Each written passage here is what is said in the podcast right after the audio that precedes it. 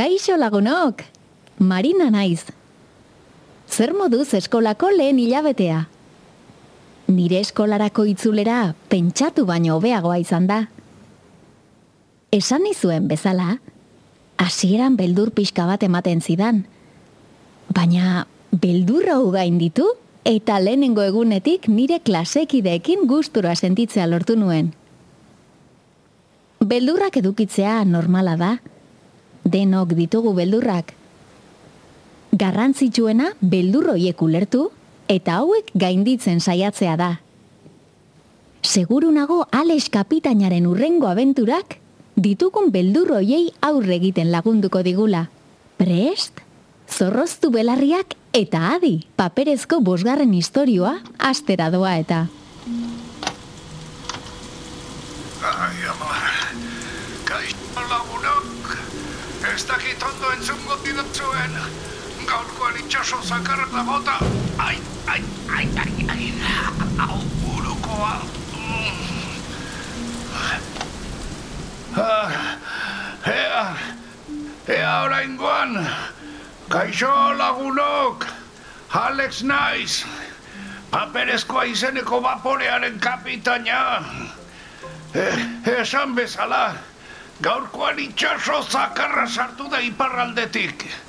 Ai, ama, duela ordu gutxi zeruen eguzkiak agintzen zuen baina bapatean, mm, konturatu ere egin gabe, zerua odeiez estali, eta ekaitza sartu da. Ai, ama, ai, ama, ai, ama, hau beldurra. Ah, ah. Baporean, bakarrik bidaiatzeko ohitura daukat.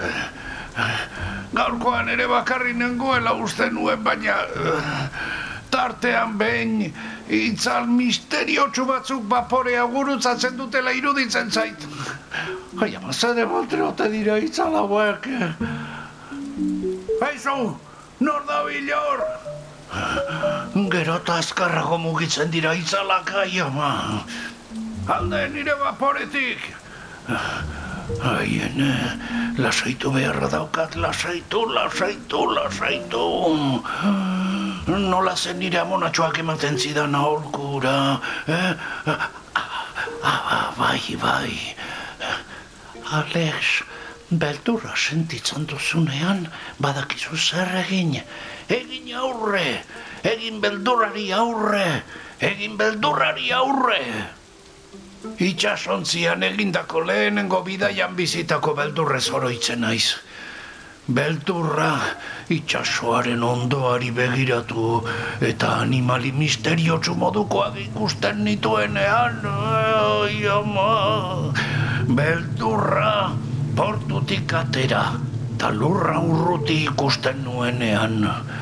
Beldurra aize ufadek itxasontzia dardarka jartzen zutenean. Alex, beldurra sentitzen duzunean, badakizu, egin beldurrari aurre. Eta bapatean konturatzen naiz, jarraitzen didan orbana, nire itzala dela. Eta garraixik asten natzaio ekaitzari, enago bakarrik, nire itzala nirekin dago, nire laguna da, beldurrari aurre egingo diot. Bapatean, ai, ekaitza joan eta ostadarra gertu da. Erromako zubia, ai, zepolitia. Biotza bezain gorria, ekilorea bezain laranja, limoia bezain horia, belarra bezain berdea, itxasoa bezain urdina, eta masusta bezain morea. Gora erromako zubia. Hemendik aurrera, beldurra sentitzen dudan bakoitzean, ah, aurre egingo diot. Bai jauna, itxasontziko timoiari gogorre utzi, eta urrengo bidaiari ekingo diot. Animo neskamuteleak!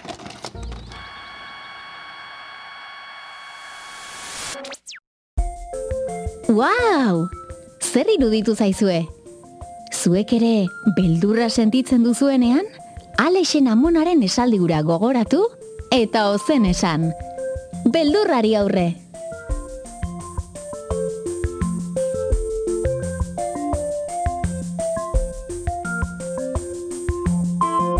Entzun duzun podcast hau Garoa Liburu Dendak eta Ulu Media Ekoiztetxeak elkarlanean egina da. Gogoratu paperezkoak ekimenean izena emateko, paperezkoak.eus webunean sartu behar zarela. paperezkoak.eus Urren gori arte.